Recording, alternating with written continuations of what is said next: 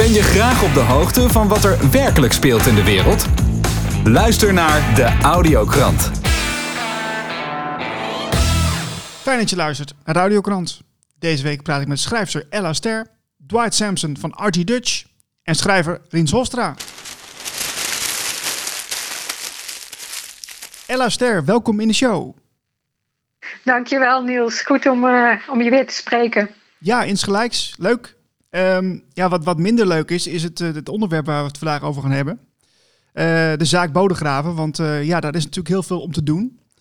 Um, ja, voor de mensen die dat nog niet zo goed weten, ik zal het eventjes kort schetsen. Want um, vorig jaar is Joost Knevel met jeugdherinneringen gekomen over een satanisch pedonetwerk. En Micha Kat is daarbij betrokken.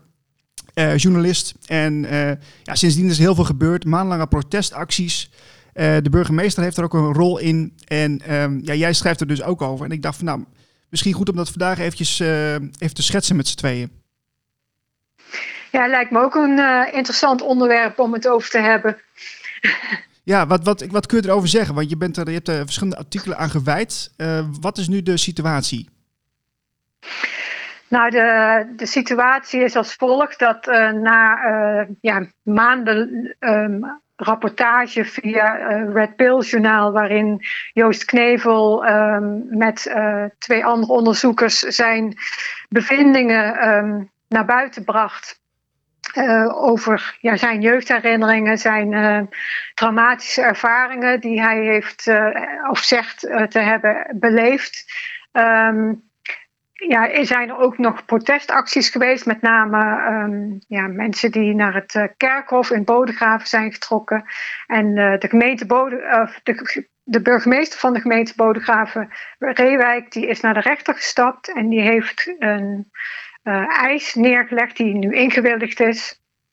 Dat de drie betrokkenen, de drie gedaagden, Micha Kat, Wouter Raadgever en Joost Knevel, niet meer over de zaak mogen praten. Hmm. Op geen enkele manier.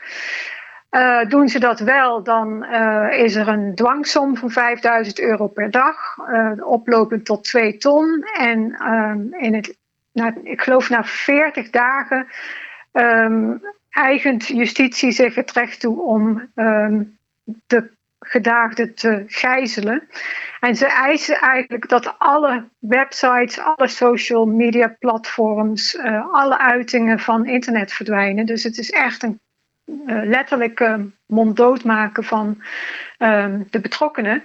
En wat interessant is in dit, deze zaak is dat Joost Knevel ook ondertussen een artikel 12 procedure uh, heeft opgestart. Want hij had eerder aangifte gedaan bij justitie. En justitie heeft eigenlijk uh, zonder een, een, goede onderbouwing bij voorbaat gezegd dat ze geen strafrechtelijk onderzoek willen doen. Mm -hmm. uh, wat ik op zich al heel opmerkelijk vind. En zeker de redenen die men dan aanhaalt. Dat er geen vermoeden van enig strafbaar feit zou zijn.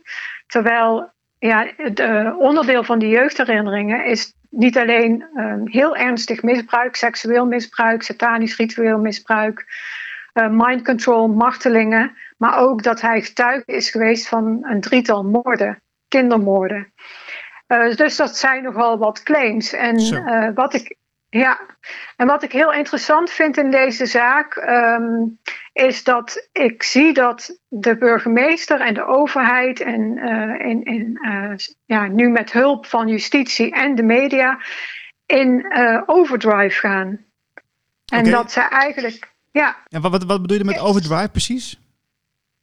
Nou, kijk, die, die burgemeester, die, uh, ik kan me voorstellen dat hij zich verantwoordelijk voelt voor een, een stukje rust hè, en, en orde in zijn gemeente.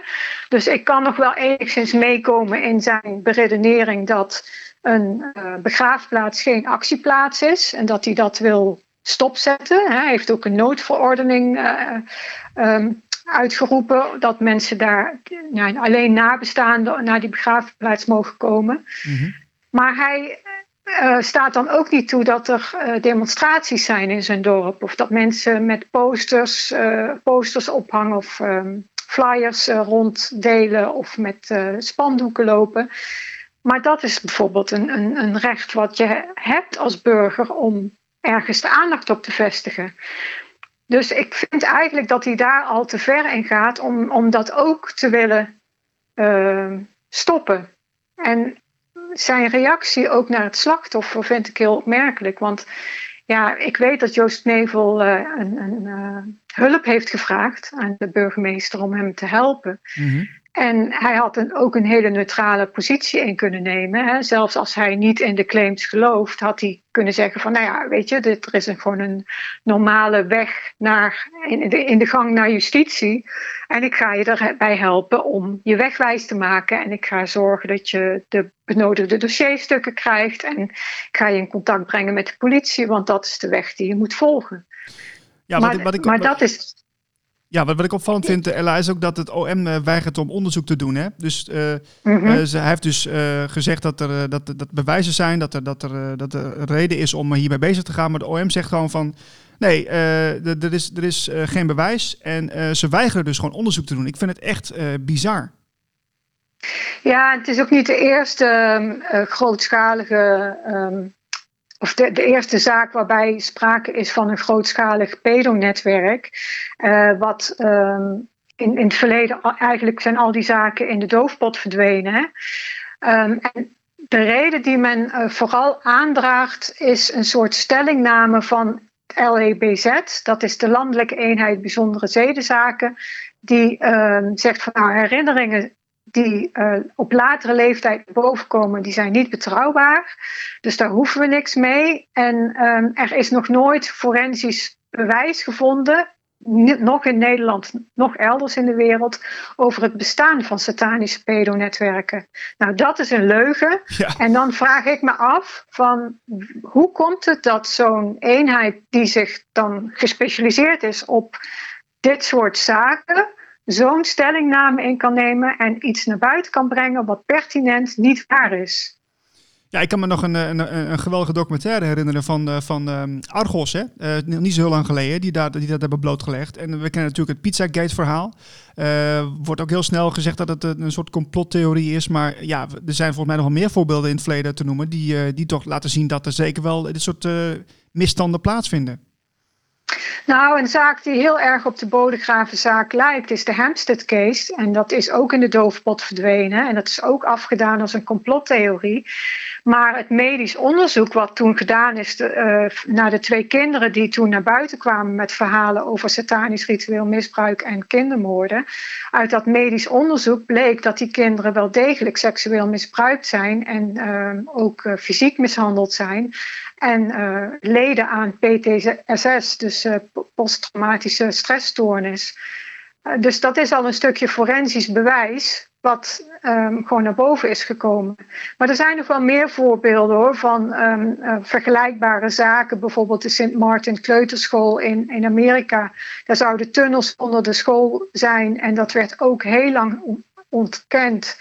en afgedaan als een onzinverhaal. En uiteindelijk blijkt ik geloof na 34 jaar. Toen heeft de FBI documenten vrijgegeven. En toen bleek dat die tunnels er gewoon waren. En dat daar ook satanische symbolen gevonden zijn. Dus ja, die hele stellingname dat er geen bewijs is, of geen uh, forensisch bewijs, dat, dat, ja, dat is gewoon niet waar. Nee. Nee. Nu vind ik het ook nee. opvallend, uh, Ella, dat, um, dat er, is dus, er zijn dus ook mensen in zijn omgeving die er ook uh, direct of indirect bij betrokken zijn. Die zijn op mysterieuze wijze om het leven gekomen. Hè? Kun je daar wat over zeggen? Ja, dat, uh, dat is echt best wel een opvallend lange lijst namen. Ik, ik heb een, een, meerdere tiental, of, ja, tientallen namen heb ik zelf kunnen tellen. Joost zelf heeft het over 38 namen. Um, en wat ik opvallend vind is dat er een aantal uh, getuigen zijn. Bijvoorbeeld de kroongetuige, die, is, die heeft zelfmoord gepleegd een paar dagen nadat hij in uh, besloten kring kenbaar ging maken dat zijn herinneringen over, die, uh, over dat satanisch ritueel misbruik en die kindermoorden naar boven kwamen. En dat hij ook namen ging noemen van de verdachten. en een half jaar later is de vader van die kroongetuige overleden ook onder verdachte omstandigheden. Nou, dat zijn al, al aanknopingspunten waarvan ik denk van dat is ja, voor een rechercheur een, een aanleiding om daar eens dieper onderzoek naar te doen. Ja, dat zou je wel zeggen inderdaad. Jongen, jongen, jongen. Dus er zijn best wel heel veel leads om, uh, voor de politie om dit veel grondiger te onderzoeken. Maar er lijkt een soort onwelwillendheid te zijn um, en een nalatigheid bij justitie, waarbij er, er blijkbaar een belang is om, uh, om ja, hier geen onderzoek naar te doen, omdat er misschien dingen naar boven komen die bedreigend kunnen zijn voor de betrokkenen die. Um, nou ja, er worden namen genoemd van, van betrokkenen die hoge posities hebben in, uh, ja, in de maatschappij. Ja, ja. En, en daar, daar zit misschien een reden achter. Heb jij zelf contact gehad met Joost de laatste tijd? Ja, hij heeft mij heel veel informatie gegeven, ook uh, uh, veel documenten, uh, correspondentie. Ik heb ook wat ehm, contacten gelegd met andere betrokkenen die met de zaak bezig zijn of meer weten. en er zijn zeker andere mensen die delen van zijn verhaal bevestigen.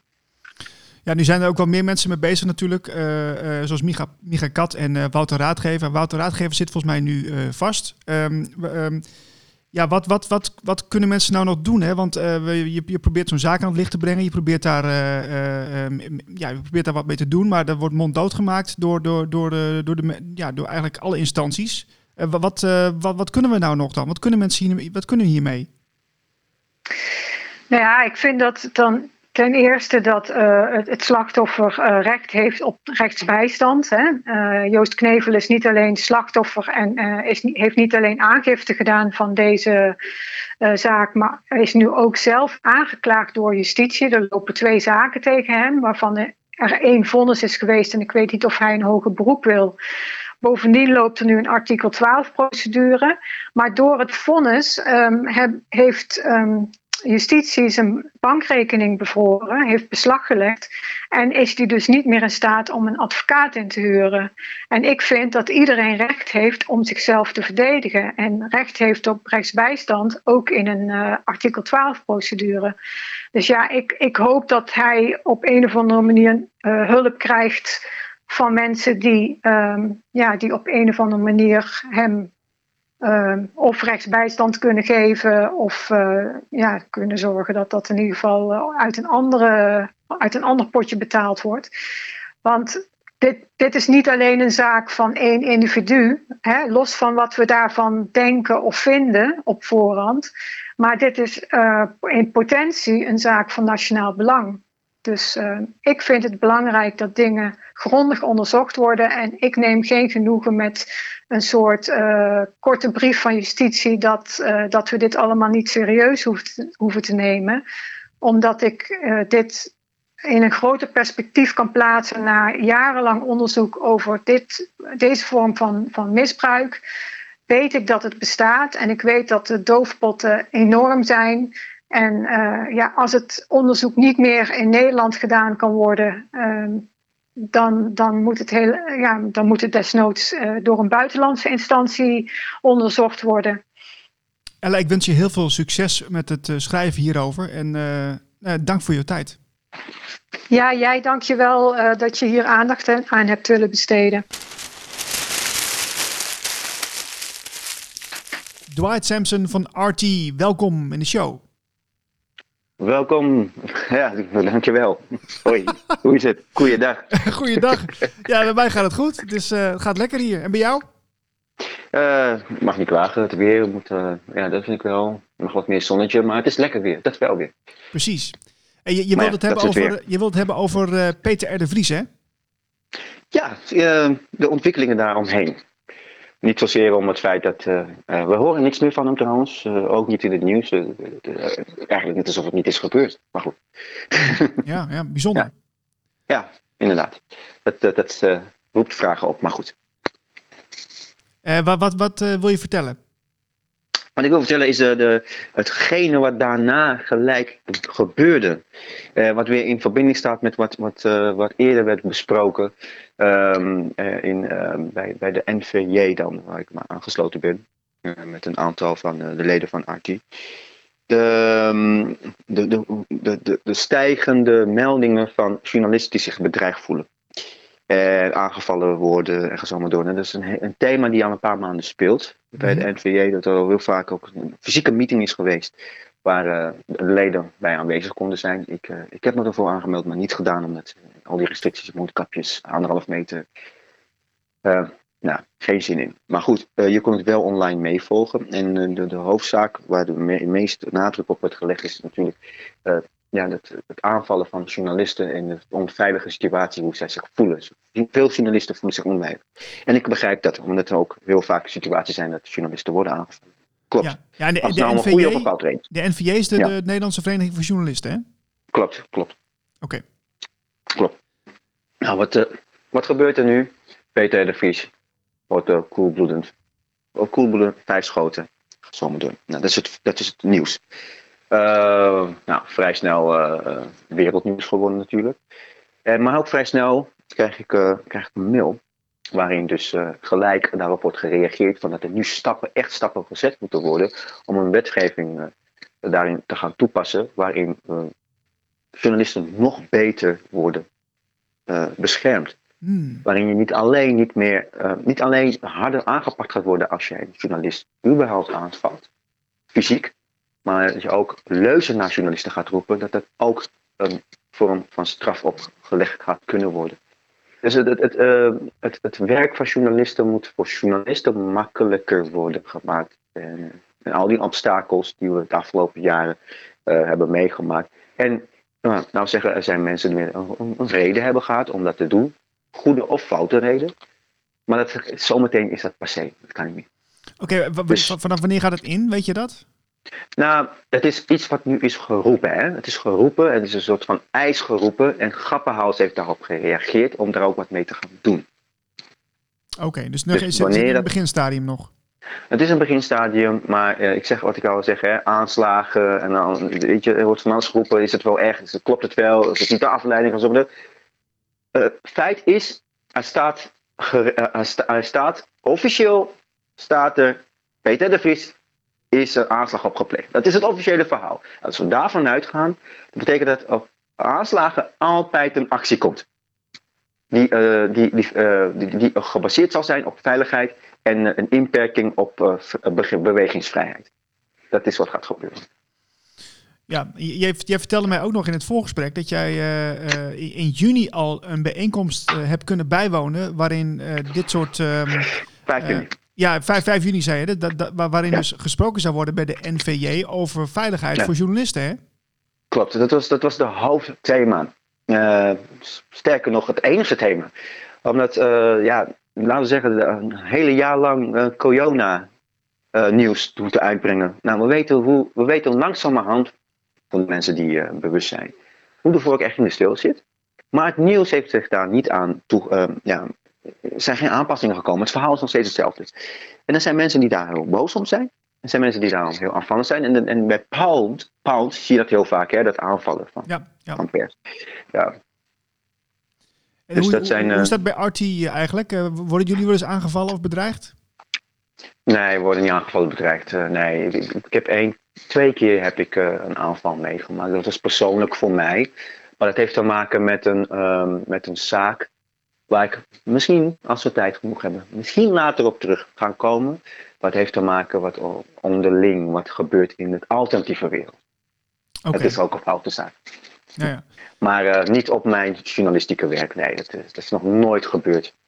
Uh, het ergste wat ik ooit heb meegemaakt is van ja, wegwezen met die camera, ik wil niet gefilmd worden. Dat is, dat is het enigste, maar dat kan je overal kun je dat Als jij, als jij op een plaats van delict komt of, je, of, of, of uh, wordt geplunderd en dat soort dingen, ja, mensen willen niet gefilmd worden. Dat begrijp ik. Ja, Oké, nu even terug naar het verhaal van Peter de Vries. Uh, uh, ja. je, je, ziet dus dat vlak na die aanslag wordt er dus iets ja. met wetgeving gedaan. Wat, wat, wat, vertelt jou dat? Het vertelt mij, um, het vertelt me één ding. Dat los van wat je vindt van de aanslag van Peter de Vries, maar dat het een tool is geworden om um, om, om, om, om agenda's die al klaar stonden uit te voeren. Het heeft een kleine deal nodig gehad en die is gegeven. Ja, maar zeg je, veronderstel jij daarbij dat het, dat het in scène gezet is? Of, of is het, gaat het nee, nee, nee. Ik heb, het niet, ik heb het niet over het feit zelf. Nee, nee het, het, feit zelf, ik, kan, ik, ik kan het niet bewijzen. En, ik, ik hoor deze verhalen. Ik ga er niet vanuit. Maar het is wel iets, een gebeurtenis, wat heel goed van pas komt om agenda's, zoals meer veiligheid voor journalisten, eh, inperken van uh, bewegingsvrijheden van mensen om journalisten heen, hoe ze zich gedragen, om dat in te perken. Dit, dit is iets wat, wat een zeer sterke tool is om uh, als toelichting te gebruiken om te bekrachtigen waarom dit nodig is. Ja. Dat is het. Oké, interessant, interessant. Los van als het echt of net is, daar, daar ga ik niet over. Nee, dat, dat denk ik zelf ook niet hoor. Nee, precies. Maar goed, ik. Uh, ja, oké, oké. Ja, en, en, um, en wat, wat, wat, wat, wil je nog meer over vertellen over dit voor, uh, voorval uh, van Peter R. de Vries?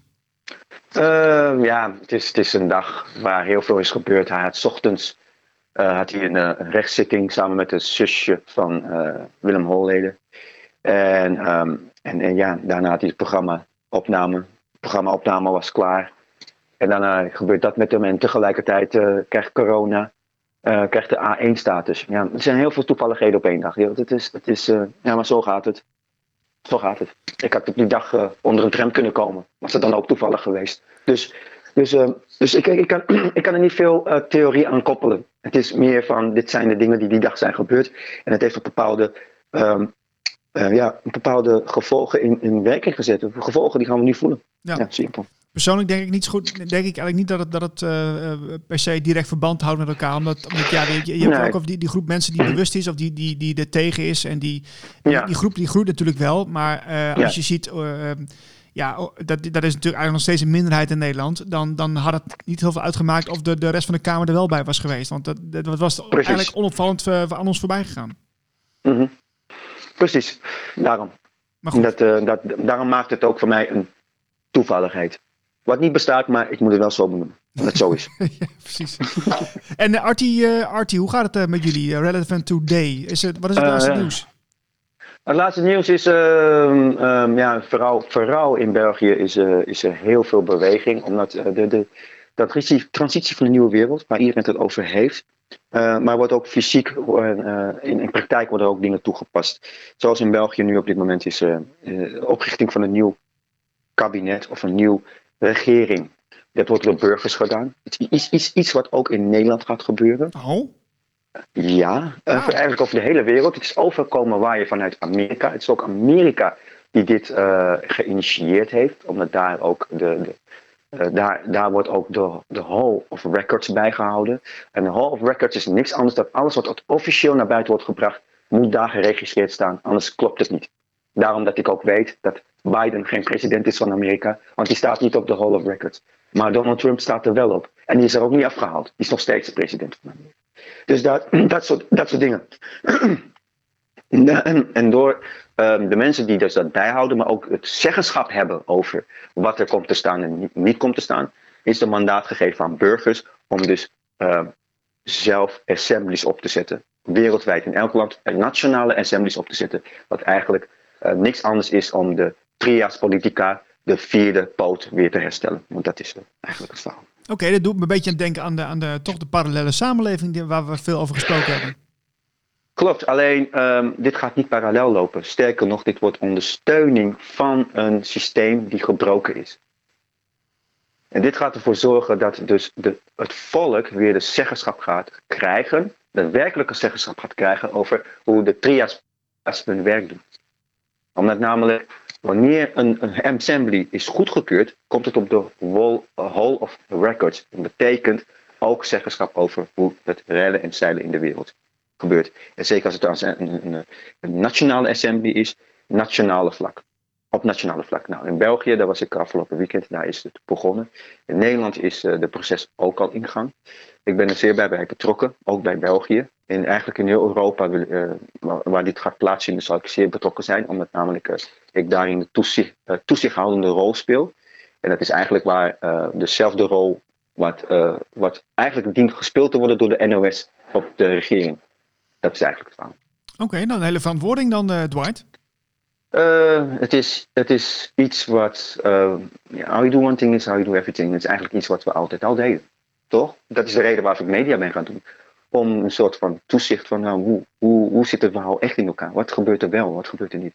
En dat is dus, dus het zal niet voor mij een verandering komen. Het is alleen meer dat de kwantiteit groter is geworden, maar niet, niet de kwaliteit. Heel veel succes ermee uh, de komende tijd. Het is, ja, ik ben uh, zeer benieuwd hoe het allemaal gaat lopen. Het is allemaal spannend, maar heel leuk. Heb jij een onderneming of een eigen initiatief en wil je een video of audio podcast op maat? Ga naar de website en stuur een mailtje naar info@blikopdemaatschappij.nl. Maar bellen mag ook hoor.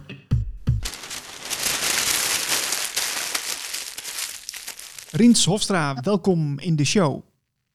Fijn om weer uh, in de uitzending te mogen zijn. Ja, leuk dat je er bent. Um, je wilde iets gaan vertellen over een nieuwe uh, ja, politieke partij die ontstaan is, of die gaat ontstaan. Uh, dat klopt. Dat is inderdaad het nieuws van de week van mij. op beperkte schaal eigenlijk wereldnieuws. Want de partij die is opgericht, dat is de eerste democratische volksbeweging. En dat is dus in wezen de eerste partij die echt democratisch is. En dat woord gaan we dus niet gebruiken, omdat het in wezen al uh, misbruikt wordt door de VVD, CDA, D66 en Forum voor Democratie. Daar staat een hoofdletter D die suggereert democratie te vertegenwoordigen, maar dat is dus niet zo. Vandaar dus dat deze partij de eerste democratische, met een K, dus kritisch, de eerste democratische volksbeweging heet. Oké, maar als het, als het democratisch is, dan is het ook niet democratisch. Het is superdemocratisch. Oké, vertel. Nou, dat betekent dat uh, de burgers, de, de kiezers, die staan centraal. En uh, die gaan dan ook uh, een eigen volksvertegenwoordiger kiezen, waar ze een band mee opbouwen. En ze gaan dus niet voor een partij waar misschien wel 25 of 30 mensen anoniem meeliften op de, de bekendheid van de, de lijsttrekker. Maar uh, ze worden gekozen op basis van een partijprogramma waarbij ze met wat vijf punten af mogen wijken, zodat ieder volksvertegenwoordiger eigenlijk een uniek eigen uh, programma heeft. En daar wordt niet van afgeweken, want uh, beloftes zijn beloftes naar de kiezers. En heden, heden ten dagen is leuke beloftes, allemaal cadeautjes. En als de verkiezingen voorbij zijn, dan worden heel veel beloftes ingeleverd om maar aan de macht te komen, om een coalitie te vormen. Dus dat is hier niet het geval. Het gaat dus echt om een volksvertegenwoordiger. En als een item aan de orde komt uh, wat niet in het programma staat, dan gaat zo'n volksvertegenwoordiger met een soort van een DVD-achtig systeem terug naar de achterban en vraagt dan met het probleem voorleggend en de voor- en de nadelen, van moet ik ja of moet ik nee stemmen? Dus niet de volksvertegenwoordiger uh, volgt haar of zijn eigen mening. Maar de volksvertegenwoordiger zit er voor een bepaalde achterban. Ja. Nou, democratischer kun je het niet krijgen. Ja, dan, dan ben je echt uh, in, in dienst van, van de bevolking, uh, als het inderdaad ook zo uitgevoerd wordt. Nou ja, dat is dus wel de bedoeling. Alleen dat is tot nu toe is dat nog nooit is dat voorgekomen. Maar de technische middelen zijn er. En de interactie tussen een volksvertegenwoordiger en de achterban lijkt mij op democratische wijze uh, de enige juiste. En daarom noemen wij het dus democritisch. Kritisch zijn naar de achterban. En, uh, en een ander speerpunt daarin is dat er echte deskundigheid uh, wordt aangetrokken. Dus niet de, de, de top vier van een bepaalde partij die in een coalitie komen. En maar kijken welk ministerie ze mogen aanvoeren. Ook al hebben ze er helemaal geen verstand van.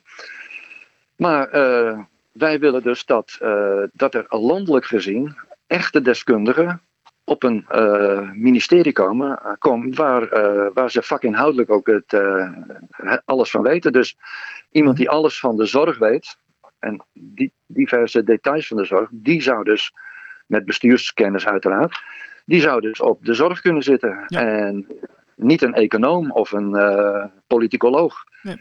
Nee, het klinkt, heel logisch, uh, klinkt heel logisch, Riens. En, en ik, was, ik ben even benieuwd, um, wie zijn nou betrokken bij deze nieuwe uh, partij? Want, want het is wel handig als je wat mensen hebt die uh, ja, of bekendheid hebben of die een beetje connecties hebben. Hoe, hoe zit het bij jullie? Nou, dat is iets waar we nog wel aan moeten werken. Uh, we zijn met z'n vijven. En uh, drie daarvan hebben ooit contacten gehad met een partij die eigenlijk helemaal fout ging. In de zin van de bedoelingen waren goed, maar ze hadden geen middelen. En toen zijn ze met een partij die wel middelen, maar geen doelen had, samengegaan. En toen ging het mis.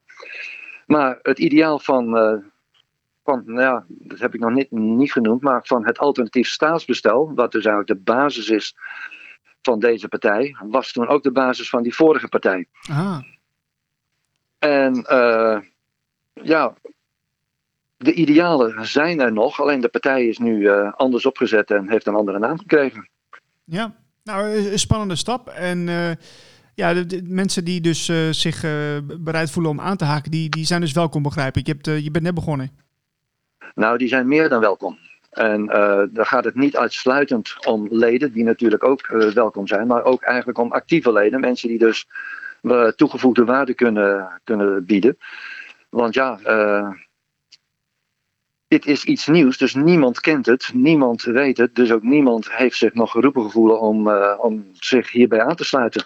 Maar als de principes één keer wel bekend worden, en het vervelende is dat de, de, ja, de media, zeg maar de MSM, hier niet inspringt en de oude politieke partijen ook niet, want het is zeer bedreigend voor ze. Er wordt aan de stoelpoten van de VVD, CDA, Partij van Arbeid, D66 enzovoort enzovoort gezaagd. Dus die staan niet te trappelen. En in het uh, daarvan de, de, de landelijke media ook niet. Dus het is heel moeilijk om uh, echt goede mensen te krijgen. Maar het is ook heel moeilijk om leden te krijgen. En uh, daarom ben ik heel blij dat ik in de 10 minuten nieuws van deze week dit even aan de orde mag stellen. Ja, nou ja, heel, heel leuk. Ik, ik ben heel blij dat je dit gaat doen. Het is heel ehm, ambitieus. En wat ik ook wel benieuwd naar ben, is uh, wat is nou uh, het, het, grote verschil met FVD bijvoorbeeld? Hè? Want FVD die gaat er ook behoorlijk tegen de stroom in. En als ik de geluiden ja. hoor van Thierry Baudet en ook van, van, van Houwelingen, willen ze toch zeker wel een, een, een grote verandering aanbrengen in, in het politieke landschap. Wat, wat, is daar nou het grote verschil in? Want het lijkt wel een beetje of jullie op dezelfde koers zitten. Nou, dat lijkt. En uh, het grote verschil, zonder echt helemaal in details te treden, maar het grote verschil is dat Forum voor Democratie wil functioneren in een fout systeem. En een fout systeem is een systeem wat op macht belust is. En uh, de partij, voor Democratie, is bereid om concessies te doen om met andere partijen die ook fout zitten, uh, een coalitie aan te gaan. En een coalitie betekent dat er concessies worden gedaan, dus dat bepaalde standpunten die beloofd zijn aan de kiezers uh, bij het grof vuil komen, om bepaalde minderheidsstandpunten van andere deelnemende coalitiepartijen, om die als een soort meerderheidsstandpunt uit te gaan voeren. Dus uh, een coalitie, het, het, het vormen van een uh, coalitie voor vier jaar is ontzettend antidemocratisch. En Forum voor Democratie wil daar meedoen. Forum voor Democratie uh, staat ook voor, nog steeds, voor partijpolitieke benoemingen. Uh, Thierry Baudet wil graag minister-president worden. Dan is hij niet door de bevolking gekozen, maar dan zou hij dat kunnen worden, omdat Forum voor Democratie de grootste partij zou kunnen worden. En Forum voor Democratie uh, stelt ook mensen aan voor de Eerste Kamer, die dus niet rechtstreeks gekozen worden door de mensen, maar gewoon door het aantal zetels van de provinciale verkiezingen, mogen ze zoveel mensen leveren voor de Eerste Kamer. En die worden dus partijpolitiek benoemd. Hetzelfde geldt voor burgemeesters, ook die worden nog steeds politiek, partijpolitiek benoemd. Nou, dat is allemaal uh, fini als het alternatief staatsbestel in deze partij, de eerste democratische volksbeweging, uh, de overhand gaat krijgen. Dan is het dus afgelopen met partijpolitieke benoemingen. Dus ook burgemeesters, ministers, wethouders, uh, zelfs rechters en topambtenaren worden niet meer partijpolitiek benoemd. Oké, nou, dus dat is een mooie uitdaging. En ik, ik, ben heel benieuwd, uh, want, want, want dat vind ik dan wel een beetje lastig om te begrijpen. Want um, je wil eigenlijk iets, iets rigoureus anders. Uh, maar dan, ja. kun je, dan kun je niet, je past niet meer in het oude systeem. Hoe ga je dat dan uh, voor elkaar krijgen? Nou, dat is uh, moeilijk en het lijkt hypocriet, maar is het niet. Kijk, je hebt twee keuzes als je het echt wil veranderen. Dat is revolutie en dat is chaos en dat is uh, bloedvergieten. Met de kans dat het leger ingrijpt en dat je een dictatuur krijgt die nog erger is dan wat we nu hebben. En een andere mogelijkheid is revolutie, maar dan van binnenuit. Dus dat betekent dat je wel verkiesbaar bent met wat ik net noemde uh, echte volksvertegenwoordigers. Verkiesbaar bent voor de Tweede Kamer. Maar dat je begint te zeggen van wij doen niet mee aan uh, coalitievorming. Wij doen niet mee aan partijpolitieke benoemingen. Dus dat is in wezen het systeem van binnenuit uithollen zonder er echt aan deel te nemen. Maar ja, je moet wel kiezers vertegenwoordigen. Dus je bent wel in de Kamer om daar waar goede plannen zijn te steunen. En daar waar plannen bestaan die, waar we niet achter staan, om daar niet met concessies toch nog een beetje hulp aan te bieden. Maar gewoon zeggen, hier doen wij niet aan mee. Rins, ik wens je heel veel succes de komende tijd. Uh, ik denk dat we dat heel hard nodig hebben. Maar het is wel iets wat, uh, wat dus helemaal nieuw is. En ik denk dat heel veel mensen die dus nu uh, uit onvrede, want dat zijn er nogal wat, PVV, Forum voor Democratie of uh, SP stemmen, dat die misschien hier een mogelijkheid zien om wel gehoord te worden. Uh, wij sluiten dus ook geen partijen uit. Uh, ik denk dat dit echt een hele nieuwe wind is in het politieke, ja, op de politieke vijver. Ja, nou precies. We, we gaan het zien, Rins. Dank voor je tijd, hè? Graag gedaan. We need to wake up. We need to rise up. We need to open our eyes and do it now, now, now. We need to build a better future, and we need to start right now. We are sharing, cause we are caring.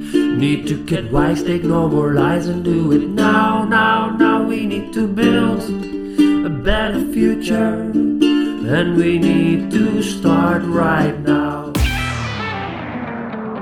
Tot zover deze audiokrant. Wil je meer informatie? Ga naar blikopdemaatschappij.nl